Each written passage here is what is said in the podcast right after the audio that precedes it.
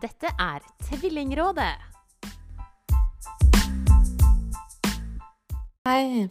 Jeg tenkte at det var på tide med en liten avklaring når det gjelder eh, holdninger eh, til norsk helsevesen og fødsler. Så er det jo sånn at uh, i denne podkasten så snakker jo jeg om mine meninger, og de er jo ikke de samme som foreningen, Tvillingforeldreforeningen sin. Tvillingforeldreforeningen sin generelle holdning er at vi har tillit til norsk helsevesen og de konkrete råd og føringer som gis i forbindelse med tvillingfødsler og flerlingfødsler. Uh, når jeg deler, så deler jeg fra mine egne erfaringer og mine egne synspunkt. Og disse er jo ikke alltid de samme som det Tvillingforeldreforeningen står for.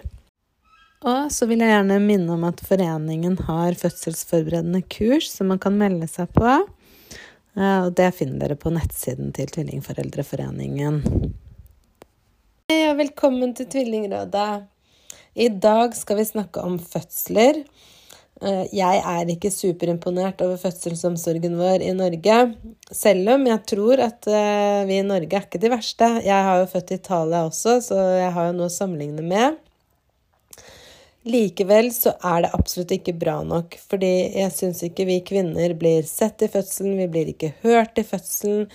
Veldig ofte så blir man behandlet som om man er i et maskineri, og man bare egentlig er en brikke i det maskineriet. Og jeg har jo snakket med noen i dag, og jeg syns at eh, det er en gjenganger i de fødselshistoriene vi hører. At man ikke har blitt sett eller hørt. Så har det jo gått bra likevel. Men eh, det er noe med å få muligheten til å få en drømmefødsel. Det er ikke så lett når du mangler veiledning, når du ikke blir sett på fødestua. Og det er jeg faktisk så opptatt av at jeg holder på å skrive bok om det. Jeg skal gi ut en bok som heter Fødeblekka, og den handler om eh, meg som seksbarnsmor, og hvordan min erfaring etter å ha gjennomgått fem fødsler faktisk klarte i den fjerde fødselen å få en drømmefødsel. Og den femte fødselen min var jo tvillingfødselen. Og da var jeg så redd for at uh, den fjerde opplevelsen skulle bli ødelagt, fordi jeg hadde en ganske traumatisk fødsel da jeg var førstegangsfødende. Uh, og jeg hadde ikke så kjempefine fødsler uh, på nummer to og nummer tre heller. Så når jeg da på en måte klarte å samle trådene da jeg skulle føde for fjerde gang, og at det resulterte i at jeg fikk en drømmefødsel og var faktisk syntes det var spennende. Såpass spennende at jeg nesten gledet meg til tvillingfødselen, selv om det var mye nytt å tenke på da også. Eh, så hadde jeg jo ikke lyst til at det skulle bli ødelagt, så jeg hadde veldig mange eh, ting på fødelista mi da jeg skulle føde tvillingene. Ikke minst hadde all den erfaringen som jeg hadde samlet meg i de tidligere fødslene, gjort at jeg på en måte så hva som skulle til for å få en god fødsel. Og derfor så har jeg skrevet bok, fordi jeg føler at uh, når man er hos jordmor Man går jo hos jordmor etter, i alle de ti månedene man er gravid, men man snakker utrolig lite om hvordan man skal få en god fødsel. Og selv på det fødselsforberedende kurset, eller de som jeg har vært på, så syns jeg heller ikke man egentlig snakker så mye om hvordan skal man klare å få en god fødsel. Hva er det man må gjøre for å få en god fødsel? Det er mange ting man kan gjøre. Og Derfor har jeg skrevet bok, og derfor lager jeg også denne episoden, så jeg skal dele en del med dere om det. Hvis fødeblekka er noe du kunne tenke deg, hvis du ønsker å bli dronning i din egen fødsel, eller få en oppskrift på en god fødeopplevelse fra meg, en seksbarnsmor, da må du veldig gjerne sende meg en melding i innboksen min på Instagram. Siri Sjogren Selmer heter jeg på Instagram. Send meg veldig gjerne en melding der hvis dette er noe for deg, og du har lyst til å melde deg på forhåndskjøp. For da går det nok kanskje fortere å få ut boka. Nå har jeg plutselig mistet et opptak som jeg gjorde. Eh, det betyr at jeg må fortelle fra begynnelsen av min fødsel på nytt. Eh, og da kan det hende at det blir litt uh, usammenhengende i forhold til det som kommer etterpå. Kanskje jeg gjentar meg sjøl, så da får dere ha meg unnskyldt. Men jeg mistet altså ti minutter med fortelling. Så ja. Men altså Det første jeg syns man skal gjøre for å få en skikkelig god fødsel, det er å skrive en ønskeliste for fødselen. Og da må man jo når man er førstegangsfødende, så er det jo ikke så lett å skrive en ønskeliste, for man vet jo egentlig ikke hva man ønsker seg. Og hvis jordmor ikke er flink til å på en måte presentere alternativene man har, så kan jo det være vanskelig. Men nå skal jeg i hvert fall dele min ønskeliste med dere. Eh, det første var jo at jeg ønsket å føde vaginalt. Eh, jeg hadde jo født vaginalt med alle de andre, så da ble det jo litt dumt hvis jeg plutselig skulle begynne å ta keisersnitt nå, følte jeg. Eh, jeg tror også veldig at det er bedre for barnet å bli født vaginalt. Det er, det er, jo noe forskning på det, men uansett, dette er min personlige mening, og det er ikke for å si noe negativt om keisersnittfødsler. Og jeg mener, barna blir jo helt sikkert Eller blir jo like nydelige og fine og fantastiske uansett hvordan de blir født. Og må man ta keisersnitt, så må man jo det. Jeg, jeg, jeg, Hadde jeg måttet ta keisersnitt med tvillingene, så hadde jeg selvfølgelig gjort det. Eller med noen av de andre. Eh, hvis det var noen underliggende sykdommer eller sånne ting som gjorde at man må det, så selvfølgelig, da gjør man det. Men hvis man som meg er frisk og kan unngå det, så um, anbefaler jeg vaginalfødsel. Jeg tror både at det er fint at de må gjennom skjedegangen og få med seg den bakteriefloraen som er der, at det er bra for immunforsvaret til babyene, og at det gir en boost til immunforsvaret deres. Uh, og jeg tror også, og det tror jeg er min personlige mening, jeg lurer på om jeg har lest noen forskning på det, men det er lenge siden, at det gir en slags mestringsfølelse for barna. Altså at det er den første tingen de skal klare i livet, det er å bli født. Og det at de klarer det, at det gir en slags sånn eh, mestringsfølelse i utgangspunktet. Så jeg ønsket veldig å føde vaginalt. Eh, det var jo ikke gitt at jeg skulle få det, fordi at eh, eh tvilling 1 lå jo i setet. Eh, og når man ligger i setet, så må man være over et visst kilo før man kan få føde vaginalt. Eh, så jeg gikk jo veldig og ventet på at han skulle komme over den, eh, den grensen. Jeg husker ikke om det var 1,5 kilo, tror jeg. Han måtte veie mer enn 1,5 kilo. Og man måtte ha kommet mer enn uke så, så kanskje det var uke 30, jeg husker ikke helt. Men noe sånt. Og jeg var jo sengeliggende, som dere som har hørt på de tidligere episodene har kanskje vet, så var jo jeg sengeliggende fra uke, til, nei, uke 22 til uke 33. Uh, og ja, sånn at jeg gikk jo veldig og ventet og håpet at jeg skulle komme over den magiske grensen, da, og at ikke de skulle bli født for tidlig, som det jo var mistanke om, sånn at jeg For da ville jeg jo måtte ta keisersnitt, da. Det neste på lista mi var at jeg ville at den skulle foregå mest mulig jordmorstyrt. Det var fordi at uh, min fjerde fødsel, den skjedde på ABC-klinikken. Og det var en fantastisk fødsel, både fordi jeg hadde erfaringer fra tre andre fødsler som jeg tok med meg inn i fødselen, Uh, og fordi at det var jordmorstyrt og veldig rolig, og uten uh, noen som helst ikke, ikke, de der utstyrene. Altså det var ikke noe monitor der. fordi på ABC-klinikken så er det som om du føder hjemme, så de har ingen sånne tekniske dupleditter. Um, sånn at det syns jeg var utrolig fint, fordi jeg ble sett og hørt for første gang når jeg skulle føde på et sykehus.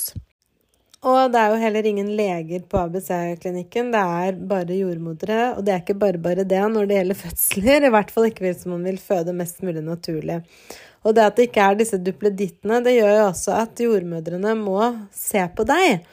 Uh, ikke sant? De kan ikke se på en uh, maskin og se om venene er der, og hvor sterke de er. og, og sånn. De må se på deg, de må uh, måle innvendig hvor stor åpning du har. Det må de jo uansett, men altså, poenget er at jordmødrene må se på deg. Og for eksempel for å høre på fosteret, så Eller for å måle hjerterytmen til fosteret, så har de en sånn tretut som de legger på magen. Og så legger de øret inntil den tretuten, og så hører de hjerterytmen til fosteret. Så det er veldig spennende og en helt annen måte å jobbe på, og en helt annen måte å føde på. Så det syns jeg var utrolig fint. Den eneste måten å måle hjerterytme på, er å lytte til magen, og da har jordmødre en sånn tretut som de putter på magen din, og så lytter de til hjerterytmen og teller.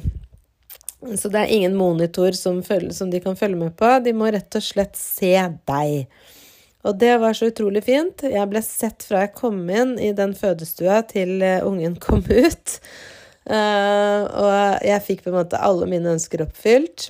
Så det ville jeg igjen, selv om jeg skulle føde tvillinger. Så jeg ville ha en jordmorstyrt fødsel. Men de sa at jeg måtte få lege inn når tvillingene skulle komme ut. Men da sa jeg at det er greit, men da skal den legen komme inn liksom helt på slutten, akkurat idet tvillingene kommer ut. Ikke før. Uh, og så ville jeg unngå epidural, uh, fordi når man får epidural, så kjenner man jo ikke vedene selv, og man vet ikke når man skal presse. Det betyr at jordmor må stå og se på denne monitoren og se når du har en ved. Og så sier de 'press' når du har pressved. Eh, men det er ikke alltid det funker, og så kan det også skje feil når de setter epiduralen, så plutselig virker det på halve siden. Og, ja. og jeg hadde jo da født Jeg hadde hatt fire føttene, hvordan blir det? Tre fødsler uten epidural og én med. Og det hadde gått helt fint.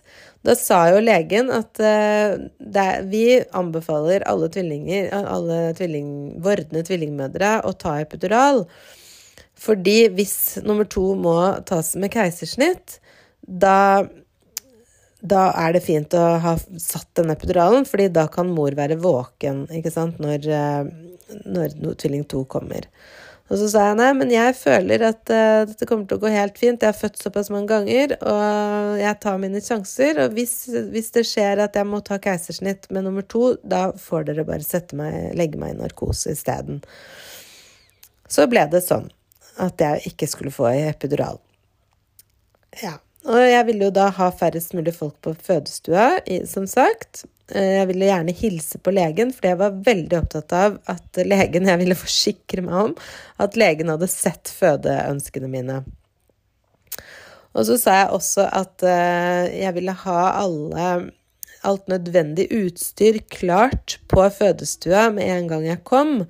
Sånn at hvis det skulle bli nødvendig med dette utstyret, så slapp man å stresse med det senere. Det er jeg veldig glad for. Ikke fordi vi, det ble ikke nødvendig i min fødsel, men når jeg hører andres fødselshistorier med tvillinger, så har det vært mye stress sånn i oppløpet.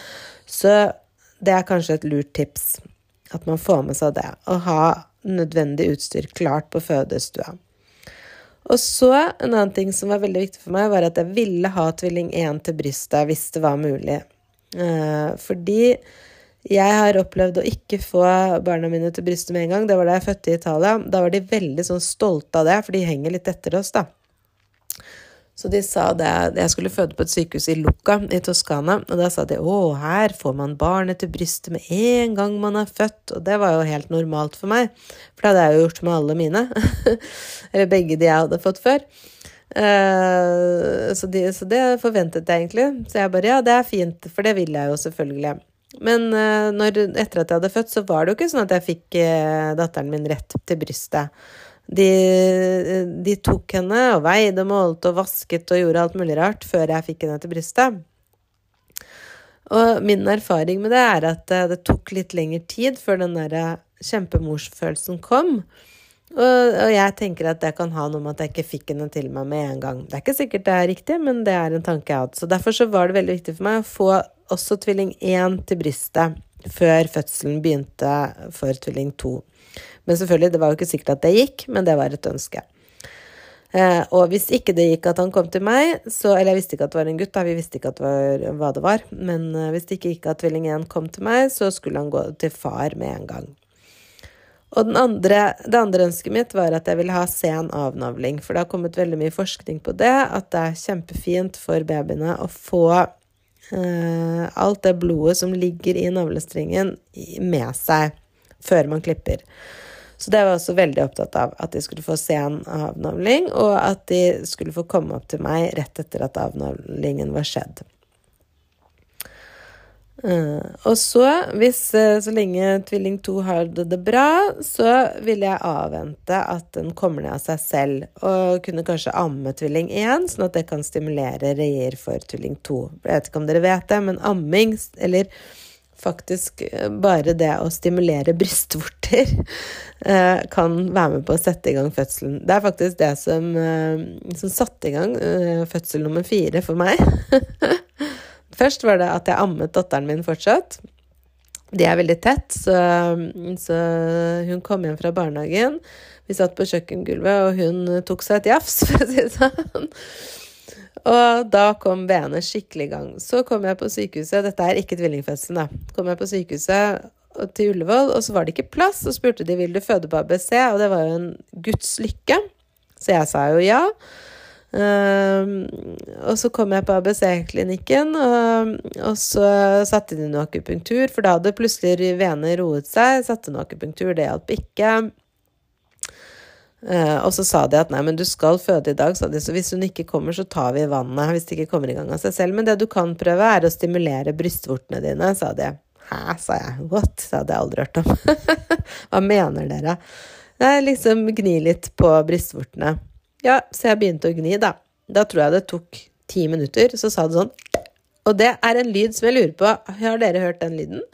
Den har jeg hørt hver gang før første ved på alle mine fødsler. Da sa jeg sånn og så kom den veden. Sant? det som du vet er veer. For du lurer jo når du går og venter på å føde, og du ikke har født før.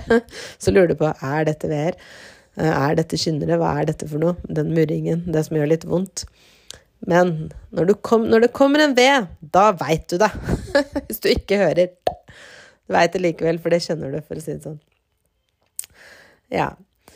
Så, øh, så det var veldig fint. Så, da, så jeg tenkte at øh, hvis tvilling 2 hadde det bra, så kunne jeg amme tvilling 1, sånn at det kunne stimulere VR for nummer 2. Og Og hvis tvilling to har det fint, eller hadde det fint under, eh, mens vi ventet på at han skulle, eller hun skulle komme, så ønsket eh, jeg ytre registrering og ønsket å unngå det som heter amniotomi, som er at man går inn og revner fostersekken til tvilling 2. Jeg ønsket at alt dette skulle skje naturlig. Mest mulig naturlig fødsel, selv om det var tvillinger da det var det. Og at når tvilling 2 kom, så ville jeg at far skulle holde tvilling 1.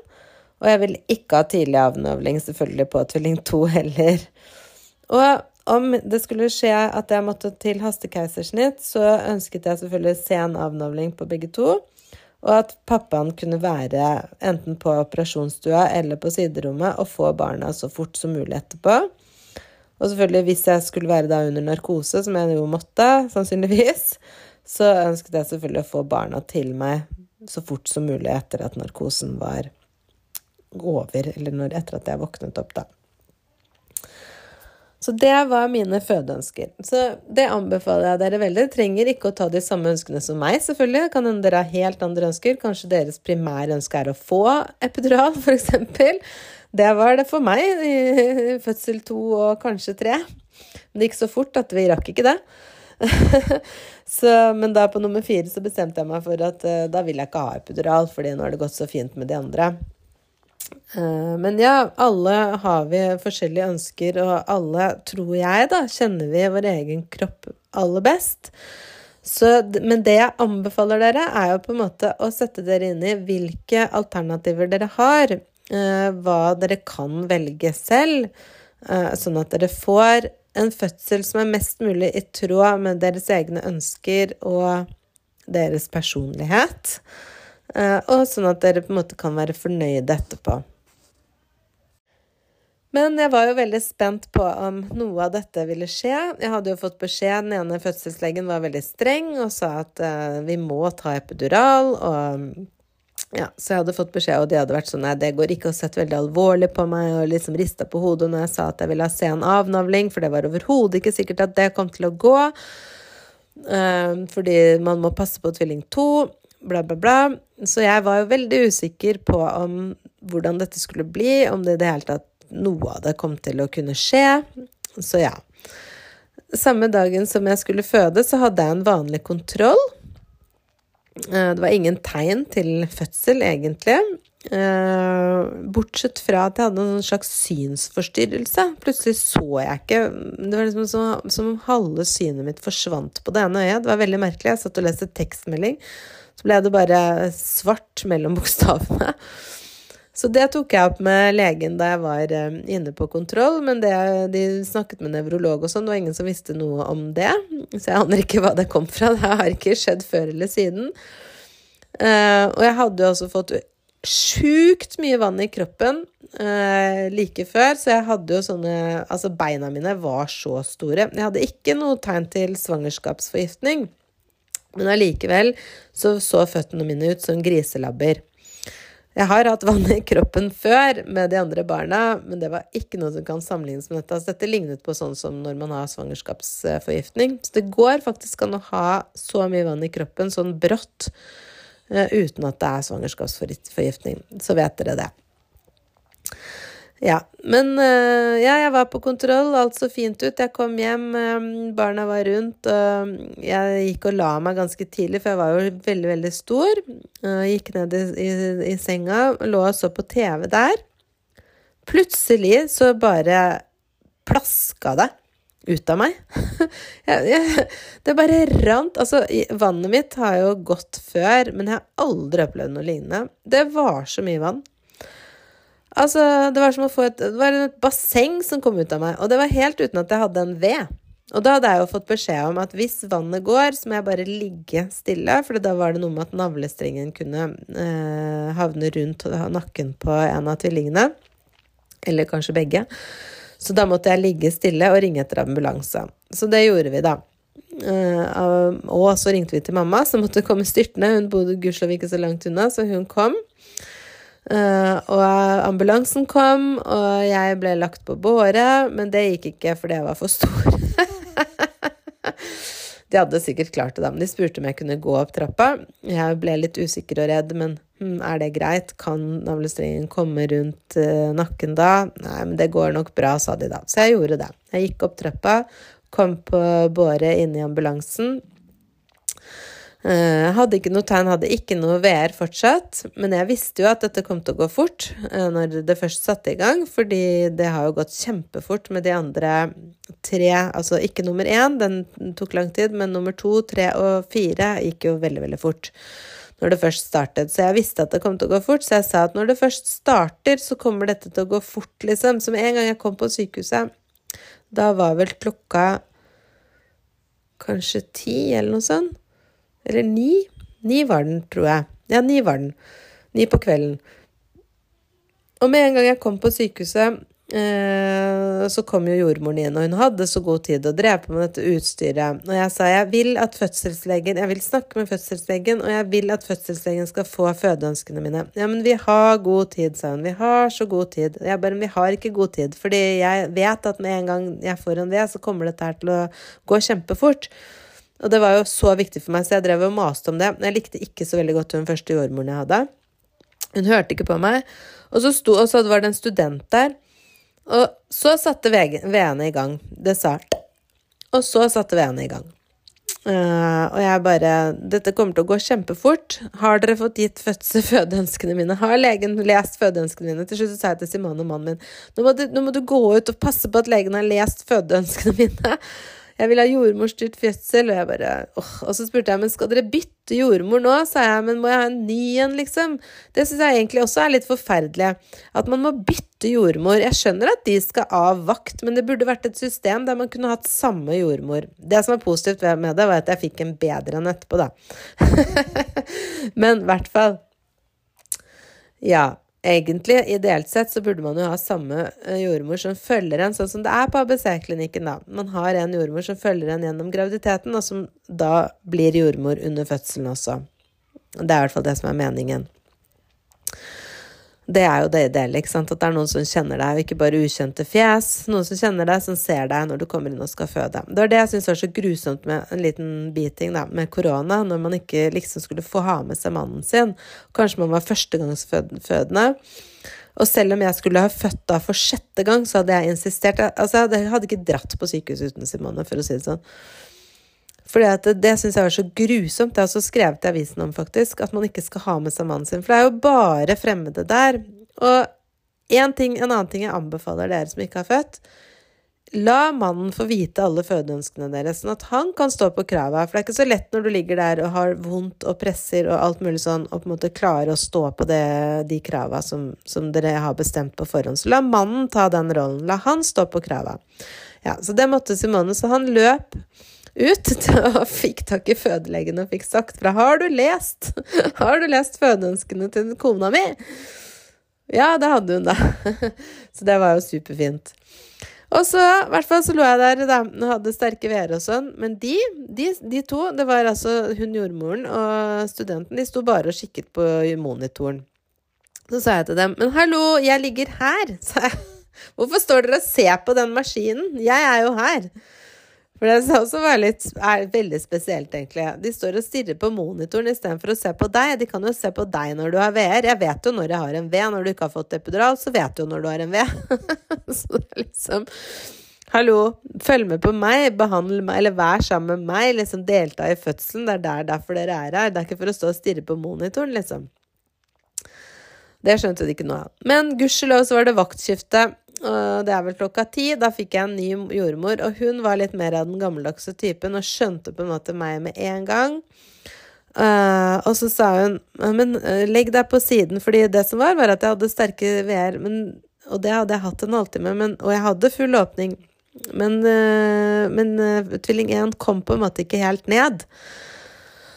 Legg deg på siden, sa hun. Ja, tenkte jeg, det er sant. Det er jo noe som gir fortgang. Da, de, da glir de lettere ned. Og det hadde min jordmor som driver med hjemmefødsler, eh, som hadde fulgt meg opp i tvillingsvangerskapet, hadde sagt det til meg. Husk å legge deg på siden når du er på sykehuset. Men det hadde jeg jo glemt da jeg kom dit, og i alle VN og alt. Så da sa hun det. Legg deg på siden. Så tenkte jeg ja, det er sant, det må jeg. Jeg må legge meg på siden. Og det er jo ikke så lett, dere vet jo det, ikke sant. Hadde det vært førstegangsfødende da, så hadde jeg sikkert tenkt åh, nei For det første har du så vondt, du orker ikke å bevege på deg. For det andre, liksom bare det å skulle flytte på seg med to babyer inn der, er jo et ork. Men jeg la meg på siden, og da glei jeg nedover, vet du. Uh, og ikke minst så jobber jeg med pusten, og det skriver jeg veldig mye om i fødeblokka. Hvordan dere skal jobbe med pusten. Fordi det er ikke bare sånn ikke sant? Det, da bare hyperventilerer du. Jeg vet ikke hvor den pusten, pustinga kommer fra. Men det er altså det.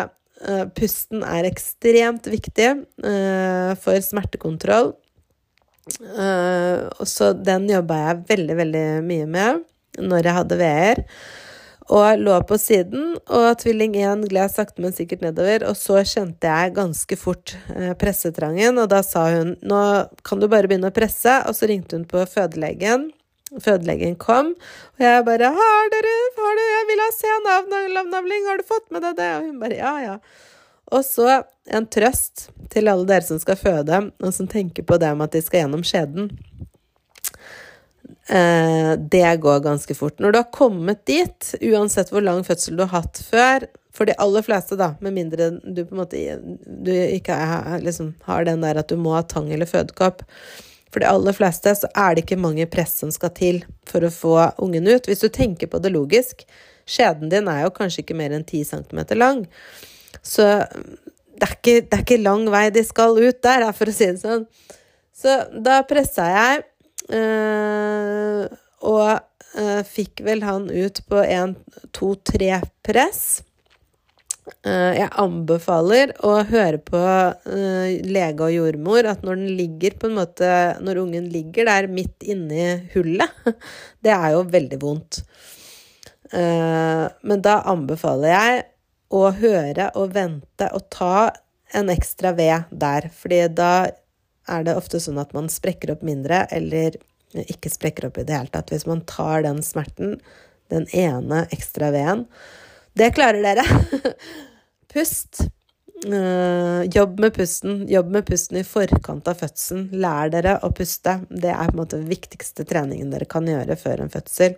Les fødeblekka hvis den har kommet. uh, uh, og ta den ekstra veden for, for, å unngå å sprekke opp for mye. Ja, så det gjorde jeg. Og så kom tvilling igjen. og jeg fikk sen avnavling. Det jeg ikke tenkte på, var at da, da når man har sen avnavling, eller det de gjorde på Riksen, var jo at da, da holdt legen tvillingen, da mens hun ventet på at uh, blodet skulle gå inn i han. Men, men på eh, ABC-klinikken så la de babyen opp nederst på magen min. Men det kan jo hende at ikke de kunne det fordi det var tvillinger, det vet jeg ikke. Men i hvert fall så holdt hun tvillingen. Så etter en stund så sa jeg men skal jeg ikke få han på brystet snart? Skal jeg ikke få han på brystet? Og, og så fikk jeg det, da. Så jeg fikk han på brystet, og det var jo kjempefint. Men det var ikke mange rolige minutter. Jeg tror det var ett minutt jeg hadde han på brystet, og så sa de 'nei, men nå kommer tvilling to'! og da bare ble han nærmest kastet over til eh, mannen min. Eh, og så var det å sette i gang med tvilling to, og det gikk jo veldig lett. Så til alle dere tvilling, vordende tvillingmødre, når tvilling én er gjennom skjeden, så er tvilling to ingenting, altså. Så det, det gikk kjempelett. Han kom også veldig fort. Eh, de kom med syv minutters mellomrom. Den ene var født eh, var det fem på elleve, den andre var født ett over elleve. Den ene må ha vært født seks på elleve, og den andre var født ett over elleve. På natta så hadde de vært født eh, klokka tolv en time senere. Så hadde den ene vært født 17. januar, og den andre 18. Så det jeg hadde jo sikkert Jeg vet ikke om det hadde vært noe spennende eller noe fint for dem, ja. men, men nå ble det i hvert fall 17. januar på begge to, da. Og så fikk jeg jo da tvilling to på brystet, og da fikk jeg også tvilling én på brystet. Jeg fikk begge to til meg, uh, og jeg ble liggende der uh, en god stund med dem bare sånn og slappe av. Og det, så lenge det er mulig, så er jo det det fineste og det beste for mor og barn. Og jeg fikk også lagt dem etter en stund, jeg hadde hatt dem litt på, uh, oppå meg, så overtok uh, Simone, og så fikk jeg lagt den ene og så den andre til brystet der. For det var også veldig viktig for meg å få, få dem på brystet så tidlig som mulig. Eller egentlig så lurer jeg på om begge to sugde. Jeg tror faktisk de ålte seg nedover, og det, det tror jeg var første gangen jeg hadde opplevd, faktisk. De, og da tenkte jeg sånn Jøss, dette er instinkter, altså. Så nesten sånn at de var sånn og lukta seg frem til brystvorta, hvis du skjønner. Så tenkte jeg ja, men det er vel sånn de gjør det i dyreriket, så hvorfor ikke? Selvfølgelig er det vel egentlig sånn det gjøres i menneskeriket òg, det er bare at vi, vi, har, vi, opplever det ikke. Så de seg fram, fant hver sin eh, brystvorte og hogga innpå. Mine barn er jo Men det gjaldt ikke for Ludvig og Viktor, tvillingene. Eh, de var ikke like sugevillige som eh, de andre barna mine. Har jo ligget på puppen, og det anbefaler jeg jo.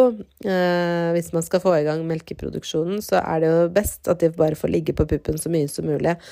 Rett etter fødsel og, og de første dagene. Eh, men det var ikke like lett med tvillingene, fordi de var ikke så sugevillige. Eh, de er jo født tre uker for tidlig, eller tre og en halv uke for tidlig. Og som jeg nevner litt senere i denne episoden, så er det jo sånn at eh, selve sugemuskelen og sugeønsket utvikler seg de siste tre ukene før fødsel. Så, så det hadde Og hadde ikke jeg da ammet fire barn før, så tror jeg nok jeg hadde gitt opp allerede på sykehuset pga. det. Fordi jeg måtte jobbe ekstremt mye for å få dem til å suge. Kiling på kinnet, kiling under hælen. Jeg vet ikke om dere vet det, men det stimulerer jo sugeønsket, ikke sant. Så når man legger det til puppen, hvis man stryker de eller kiler litt på kinnet, så begynner de å suge. Eller kiler de under hælen, så begynner de å suge. Uh, så det det holdt jeg på med, og det var en jobb. Det var en, en jobb som varte noen uker, altså, tror jeg, før de på en måte var sånn skikkelig i gang. De bare sovna og var liksom ikke interessert. Uh, og jeg tror nok ikke jeg hadde Men det skal jeg ha en egen ammeepisode om. Men jeg tror nok ikke jeg hadde klart å, uh, å amme dem. Eller jeg tror jeg hadde gitt opp hvis ikke det var fordi at det var utrolig viktig for meg, det også, i og med at jeg hadde klart å, å ammet de andre barna, og ammet dem lenge. Så hadde jeg på en måte lyst til at tvillingene skulle få det samme som enlingene mine, da. Ja, så det var min tvillingfødehistorie. Uh, og nei, det glemte jeg å si, at både jordmor Det første jordmor sa til meg etter fødselen, det var dette Å få være med på en sånn fødsel, det var grunnen til at jeg ble jordmor. Og det samme med fødselslegen kom og snakket med meg eh, dagen etter, da jeg lå på barsel, og sa at det var en av de mest fantastiske fødslene hun hadde vært med på. Og det var det for meg òg. Fødselen ble helt fantastisk, og det er nesten sånn nå at jeg syns det er trist at jeg ikke skal få oppleve å føde igjen. Eller det er ikke nesten sånn, det er sånn. Jeg er litt misunnelig egentlig på de som skal føde. Fordi det er Og det må jeg si, altså Etter fødsel nummer én, så det var en skikkelig traumatisk fødsel. Da kunne jeg ikke snakke om fødselen. Jeg kunne ikke tenke på fødsler på tre år etterpå. For det var så traumatisk for meg. Og jeg grudde meg veldig, veldig, veldig til fødsel nummer to. Uh, så fra Og det er jo derfor jeg har skrevet denne boka også. At det å, å, gå fra å være traumatisert og på en måte ikke ønske å føde, egentlig, egentlig ønske keisersnitt, til å komme dit hvor jeg faktisk er misunnelig på de som skal føde. Eh, det er noe jeg har lyst til å hjelpe andre med, da. Hvis jeg kan hjelpe andre til å få en sånn type fødsel som jeg har hatt, og det tror jeg jeg kan, og derfor har jeg skrevet boka, og så ønsket jeg å gjøre det. Ja. Så det var min fødehistorie. Nå skal vi snakke med tre andre. Først i dag skal jeg snakke med tvillingmamma Kristin Moe, som har MS og måtte få spesiell oppfølging under både graviditeten og fødselen. Og jeg gleder meg til dere skal høre. Jeg syns det er kjempespennende å snakke med Kristin. Og PS. Også i dette intervjuet høres det ut som jeg lesber. Hallo, Kristin. Hei. Hei. Så utrolig fint at du vil være med i Tvillingrådet. Velkommen. Tusen hjertelig. Det er koselig at jeg får lov til å være med. ja. Um, vi skal jo snakke om fødsler i dag, og kanskje litt uh, opptakten til fødsel. Og du hadde noen spesielle utfordringer fordi du lever med MS. Kanskje mm -hmm. du mhm. kan fortelle litt om hva MS er, f.eks. først? Ja, eh, det går jo utover sentralnervesystemet ditt. Så det er jo ulike utfordringer man kan ha da, når man har det. Men uh, noe som du Ja, når jeg var veldig ung når jeg fikk det, og jeg ble jo litt uh, skeptisk da når jeg ble gravid, for om det kom til å ha noe å påvirke meg, da. Både mm. i svangerskapet og etterpå. Um, men, Visste du at det Altså kan jeg spørre, er det naturlig, eller prøverør, eller Nei, dette, ble, dette var naturlig, ja. Ja, Så du ja. visste ingenting, eller hadde ikke noen mistanke, eller Nei, hadde Nei. ikke det. Så hva, tenkte du at det ble ekstra utfordringer, da, tenker jeg? Ja, også litt sånn der i forhold til eh, Fordi at jeg fant ut at jeg var gravid, så gikk jeg på medisiner. Mm. Og de medisinene eh, er jo en liten risk, ikke sant. Um, yeah de jeg gikk på da eh, Altså en dag jeg fant ut Det første jeg tenkte, var at jeg må ringe nevrologen min for å spørre yeah. om dette går bra. um, og da Jeg har jo en veldig god nevrolog, så jeg bare ringte og fortalte det. Og han bare Du må slutte med en gang. Og så bare vil vi at vi skal følge deg opp ekstra, da. Ble du så, litt redd da, eller for at du skulle slutte med medisiner? Sånn hva slags utfordringer det ville bety for sykdomsforløpet? ja, fordi at det er jo litt det som er Altså i forhold til MS-medisin, så er den med å bremser utviklinga av sykdomsforløpet.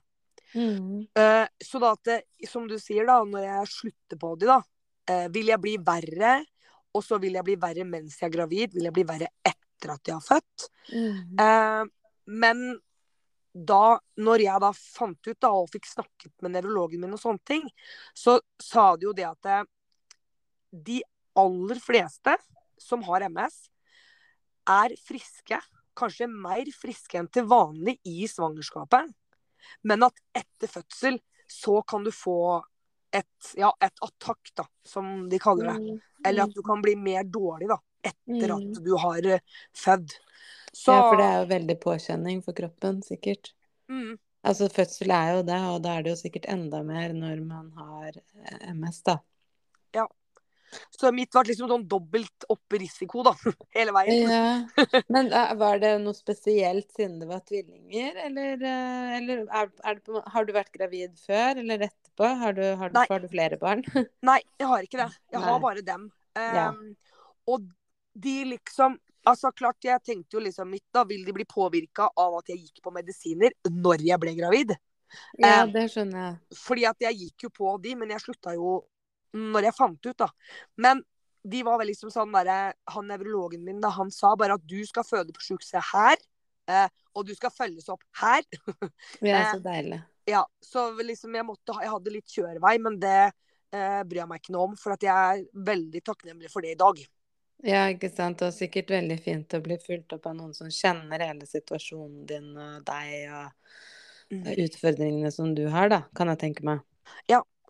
Og så liksom vite at du på en måte Ja, fordi jeg fødte på Elverum, og der har de jo barneavdeling og Ja, alt er liksom litt mer tilrettelagt, da.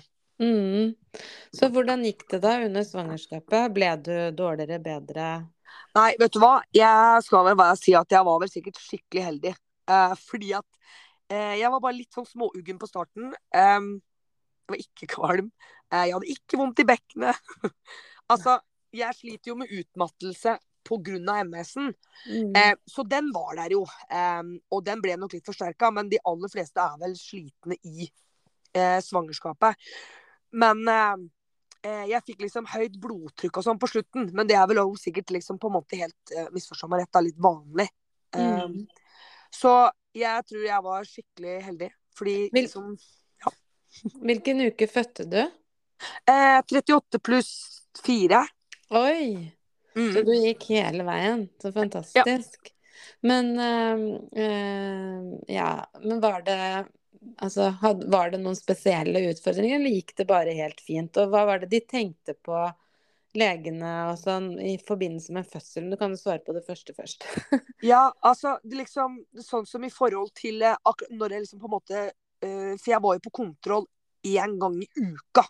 Ja. Ikke sant? For at liksom følge med da på altså både meg og litt sånne ting, da, og på ungene. da, At alt uh, var bra. Så klart jeg fikk nok mer oppfølging kanskje enn mange andre. Flere av mine venninner, da, i hvert fall. Mm. Um, og når jeg da kom på kontroll da, i uke 38, um, yeah. så sa de til meg at uh, Det var på en tirsdag, og de sier det at uh, de skulle sette meg i gang. De hadde liksom fortalt det litt sånn uka før, uh, at de kanskje skulle gjøre det. men da jeg kom dit da den tirsdagen, så sa de at de ville gjøre det. Ja. Og det ble liksom litt mer sånn OK, de satte meg i gang på tirsdag, og det skjedde jo ingenting. eh, og onsdagen kom, og det var liksom sånn Det var ingenting. Så Fikk du gelé, eller hva var Nei, de tok eh, De satte først ballong. Ja. Og den tok de ut på onsdags morgen, fordi at det var ikke noe Jeg fikk litt murringer, men det var det eneste. Mm. Så da valgte de å ta det ut. Og så sier de det at eh, de skulle prøve sånne modningspiller på meg, da. Mm. Eh, men de fikk jo ikke jeg før sånn liksom godt utpå onsdag, da. Litt utpå eftan. Mm. Eh, og da fikk jeg to, to stykker først å sjekke meg klokka ni. Og da sier de det at OK, vi er snart eh, så vi kan ta vannet ditt, men vi vil sjekke deg en gang til, eh, sånn rundt klokka to. Og de fortalte meg da at eh, vanligvis så pleide de ikke å gi flere modningspiller uh, etter klokka ni, da. Sånn at vi liksom At vi skal få lov til å sove litt, da, og slappe av. Men av at jeg skulle ha to, og det var onsdagskveld, og de sa at de måtte ut før fredag. Ja. På grunn Hvorfor av at, det? Eh, på grunn av at i helgene vet du, så er det mye mindre folk på jobb.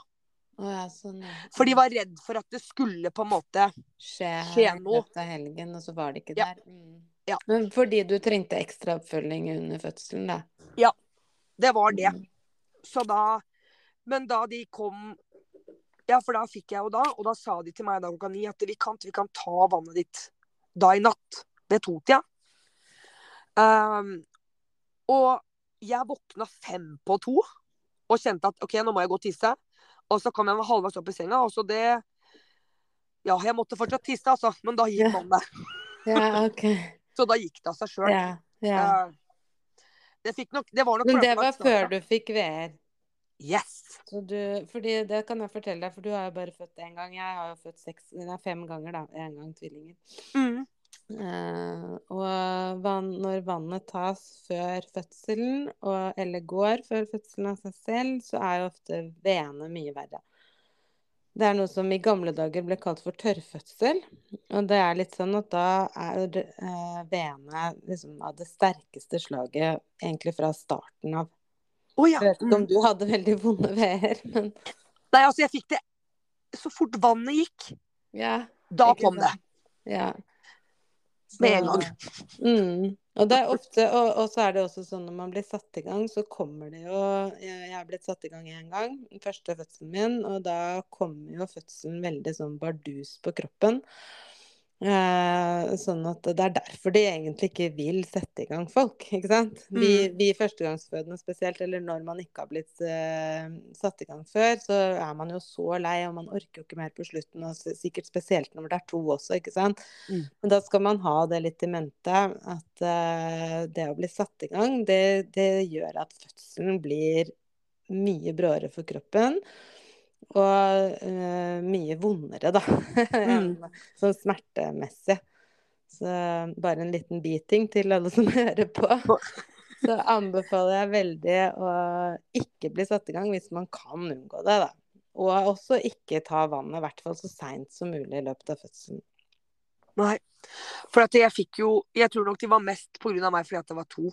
Ikke sant? Ja, det skjønner jeg. Du hadde jo din utfordring, og de var redd Mm. for at de skulle komme. Og det var selvfølgelig Du var jo en av de som, som selvfølgelig må det, da. Det, ja. Men mange er jo sånn at de på en måte i uke 39 med én har lyst til å bli satt i gang. Mm. Og da ville i hvert fall jeg sagt at jeg hadde ventet til kroppen Kroppen klarer dette selv, og Mm. stol på kroppen din. Eh, For da får du en bedre fødeopplevelse. Det er i hvert fall min erfaring. Og hvis man spør sykepersonell og jordmødre og sånn, så vil man få det samme svaret. Ja. Ja. Men ja, så det, det var jo spennende. Så da gikk vannet ditt. Ja. Og hva Og- skjedde da? Da fikk jeg rier. Ja. Og da var klokka to om, ja, fra, fra natt fra onsdag til torsdag, da. Kan jeg spørre om en ting? For det, det skal jeg spørre alle om, egentlig. Ja. Kom jeg på nå. Hørte du noe sånn lyd eller noe sånt rett før veene kom, eller akkurat før fødselen startet? Nei, Det, Nei, vet du, det hadde ikke jeg i Nei, Jeg hadde ikke Vet du, det var liksom så mye. Det ja, det var en del folk der og sånn, så det var litt sånn derre Ja, ja, ja, ja. Nei, men det, skjønner, det har jeg hørt på alle mine fødsler, så jeg har hørt sånn Oi! Akkurat som en propp som gikk opp, eller noe sånt. Det har vært veldig merkelig. Så jeg vet ikke om det bare er meg, så det, men da vet jeg i hvert fall at du hørte ikke det. Nei, Nei. men Så da kom, da kom veene. Og da lå jeg med det til ca. klokka fem. Eh, for det var litt trøkk på fødestuene, ikke sant. Så jeg lå jo bare på det rommet vi hadde fått. Eh, men da sa jeg det at nå må jeg få et eller annet smertelindrende. Ja. Eh, så da skulle jeg få lystgass. Så da ble jeg tatt inn på en fødestue, da. Når klokka var ca. fem om morgenen. Hva syns du om lystgass? Første dosa, da, da ble jeg sur fordi at jeg ble så jævlig kvalm. Ja, ikke sant? Enig. Og jeg bare Dette tar ikke jeg. Men så viste det seg da at det, det, de hadde ikke justert nok på den. Så de justerte den lite grann, og da gikk det bra. Ja. Um, men jeg fikk jo epidural ved sjutida, og da var jeg bare 3-4 centimeter. Men de ville gi meg det, ikke sant. Sånn som du har fått tvillinger sjøl, i tilfelle rottefelle, ikke sant. Mm. Hvis om at den ene kommer vanlig eller keisersnitt. Og jeg fikk da valget, da, føre, om jeg ville ha keisersnitt eller prøve å føde vaginalt. ja. Eh, men jeg var jo klar på at jeg ville vaginalt, da. Hadde du noen grunn til det, eller? At du Nei. ville Jeg vil jeg, jeg har jo hørt, da, ikke sant, i og med at det var første gangen, at det er bra for barna å komme ut mm. der, da. På grunn av bakterier og sånne ting. Mm. Og jeg tenkte at eh, det vil jeg jo. Så lenge Ja. det lar seg gjøre, da. Mm. Uh, så Hadde du noen flere sånne fødselsønsker? Nei, vet du hva. Det var egentlig én ting. Og det var å ikke bli klipt. For det har jeg fått sånn skikkelig senere, at det er sånn derre Nei, det vil jeg ikke. Uh, Mm. Men det ble jeg. Og jeg kjente ingenting. Jeg bare hørte det. Så det var liksom ikke um, Det hørte liksom Ja, det hørte jeg.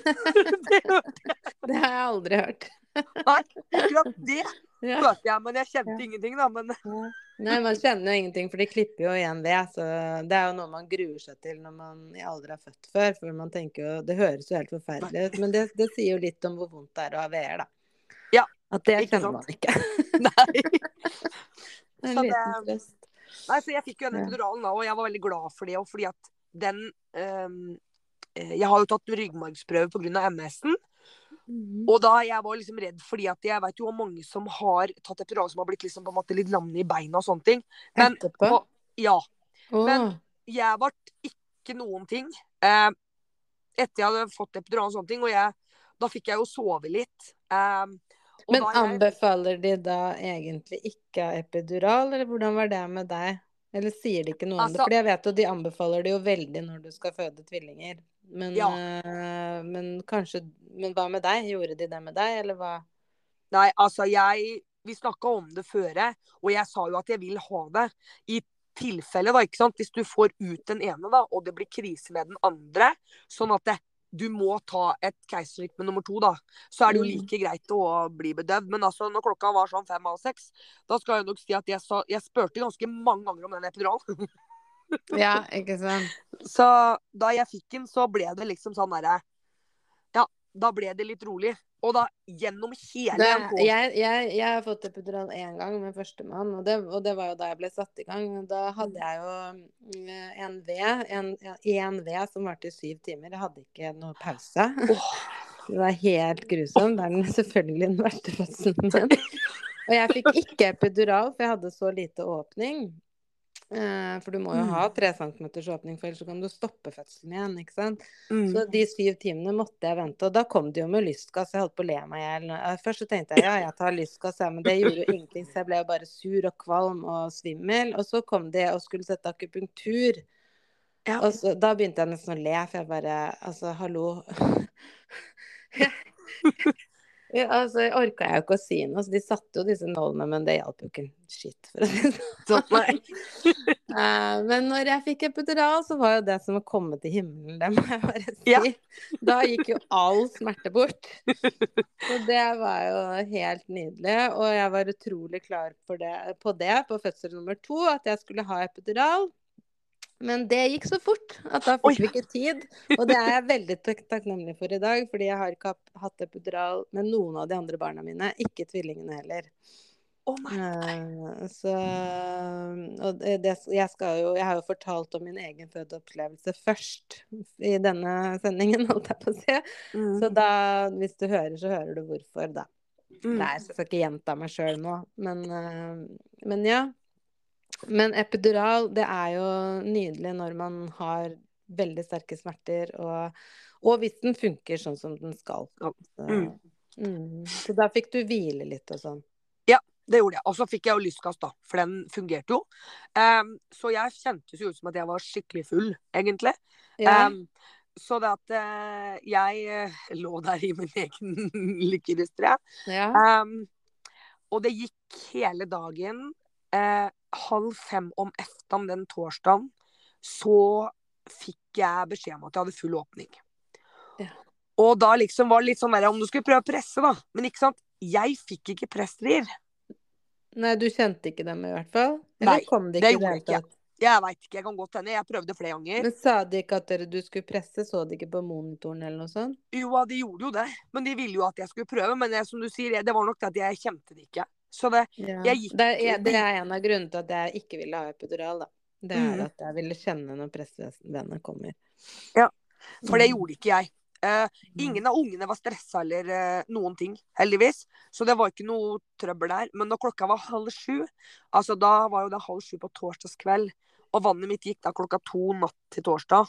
Mm. Uh, så jeg hadde ligget da med ganske mye smerter lenge, og da kommer legen Altså, for det var to leger. Hvor lenge varer sånn epidural? Ja, de, de eh, Jeg tror de satte på liksom, så jeg fikk litt sånn hele tida. Oh, ja. Men så veit jeg de stoppa, og så fikk jeg litt drypp òg, ikke sant. For å på en måte få i gang riene igjen, Ja, ikke sant. ja. Eh, men eh, Så jeg, jeg Jeg tror nok at de skrudde av den eh, epiduralen, altså. Eh, Mm. For å prøve å få det til å fungere. Men da det ikke gikk, da klokka halv fem, da, så klokka var halv sju, da hadde det gått to timer med full åpning, og det var liksom ikke noe antydning til at de skulle ut, for å si det sånn. Eh, og da, sier, da kommer legen til meg, og så sier de det at eh, nå, pga. at du er så sliten, eh, pga. at jeg da sliter med den utmattelsen i forhold til MS-en, så sa de så nå vil vi hjelpe deg litt. Eh, sånn at du klarer dette. Eh, så da, i og med at det ikke var noe Ingen av dem var stressa, eh, og alt var, gikk rolig for seg, så fikk jeg vite på forhånd hva de skulle gjøre for noe. Eh, fordi da sa de at da skulle de ta dem med sugekopp. Ja. Og jeg visste jo ikke hva dette var, eh, så de sa jo bare det at ja, vi Jeg visste jo hva som kom til å skje. Når den altså, tvilling én da kommer ut, så måtte jo legen stå og holde igjen tvilling 2, så ikke den skulle snu seg. Ja. Eh, så Men altså, jeg Ja, jeg, de spurte meg etter om det var traumatisk opplevelse. Fordi klart, når du ligger der, da, og så det er to leger inne, det er jordmor, og så bare knipser du i fingra, så er det fullt inne på den fødestua. Det Mm. er både leger, det er barneleger, det er ja, dobbelt med jordmødre og barnepleiere og alt mulig. Mm. Um, men det gikk kjempebra, eh, og det var vel derfor jeg ble klipt. Fordi at de skulle ta de ut, da. Så da fikk jeg jo beskjed om å presse, ikke sant. Eh, Mm. Sjøl om jeg på en måte ikke hadde den følelsen. Mm. Da pressa jeg tre ganger, så kom tvilling én ut. Eh, og så var det liksom sånn derre Du skal prøve Med koppen. Ja. Mm. Dem hjalp til med koppen. Mm. Og så var det litt sånn derre OK, du får den da oppå deg et kvart eh, minutt, liksom. Fordi Mm. legen da står og holder i magen din, så at ikke den andre skal snu seg.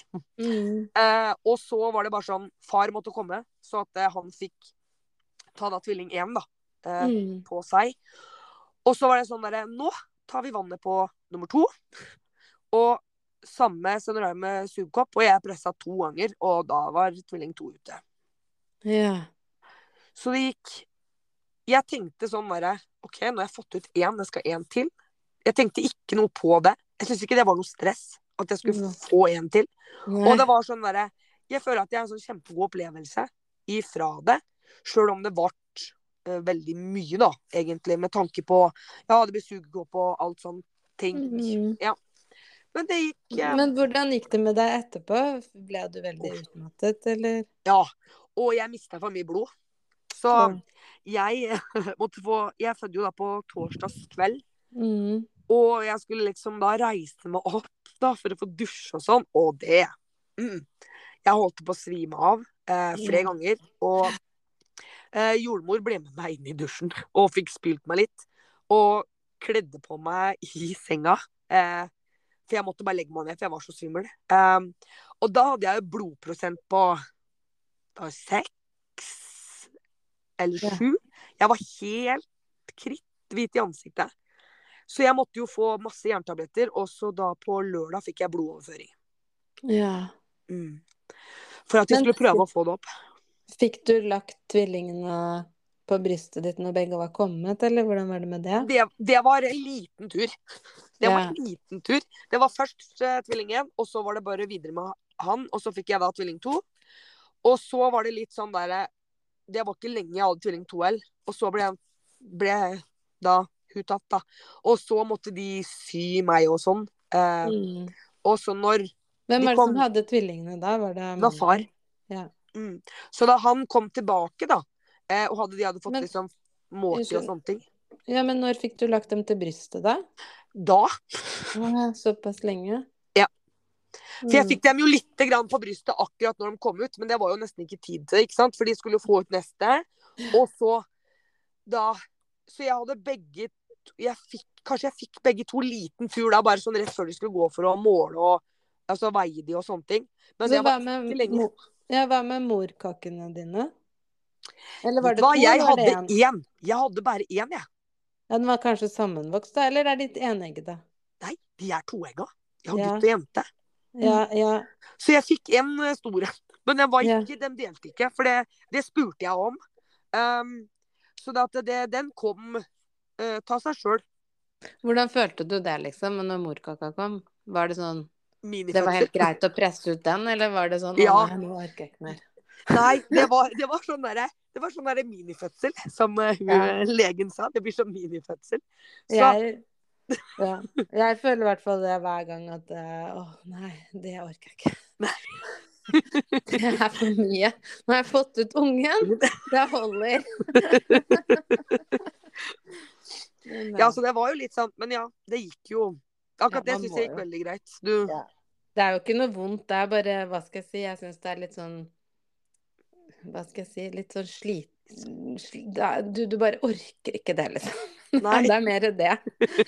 Uh, men, uh, men det går jo stort sett veldig Eller det, jeg har i hvert fall aldri hatt noe problemer med å få den ut, eller få dem ut. Jeg hadde to morkatter med tvillingene.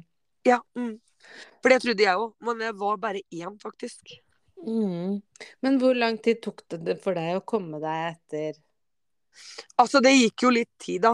Eh, på grunn av at Men når, når eh, jeg da ja, ble, skulle legge meg da om kvelden, for det ble jo ganske seint, da var jo de eh, jordmødrene sånn, de var snille, for de tok tvillingene. Um, fordi at eh, Ja, ikke sant, nå kommer du til det òg, da, ikke sant. Fordi at jeg kunne jo amme.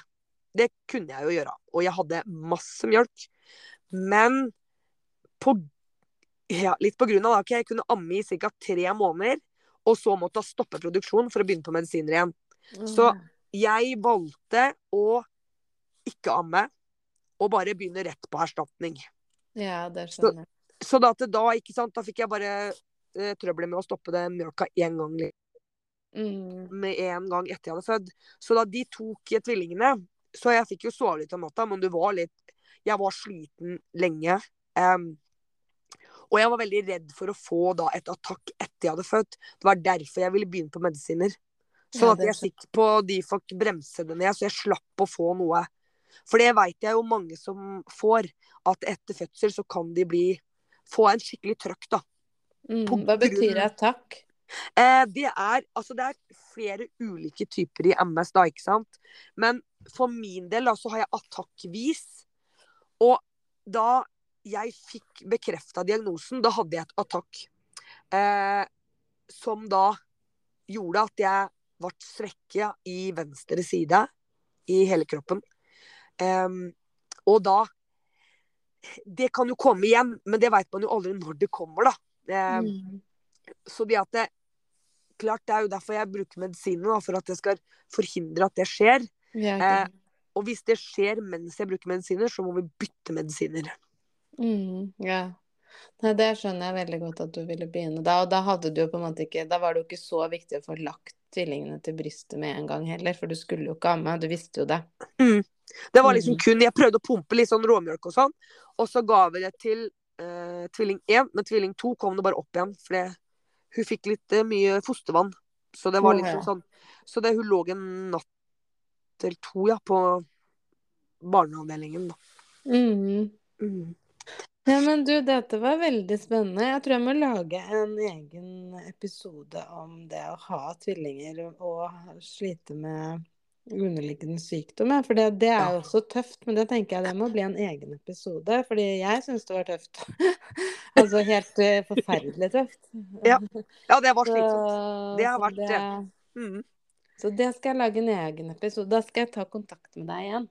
Ja, Det kan du bare gjøre. Men tusen takk, Kristin. Dette var kjempefint. Tusen takk for at du ville dele med oss. Ja, tusen takk for at jeg fikk lov. Nei, det det det var var veldig, veldig fint. Ja. Eh, og så snakkes vi. Jeg tar kontakt igjen. Ja, Og lykke men, til så lenge. Men takk i like måte. ha det så lenge. Ha det. Ha det.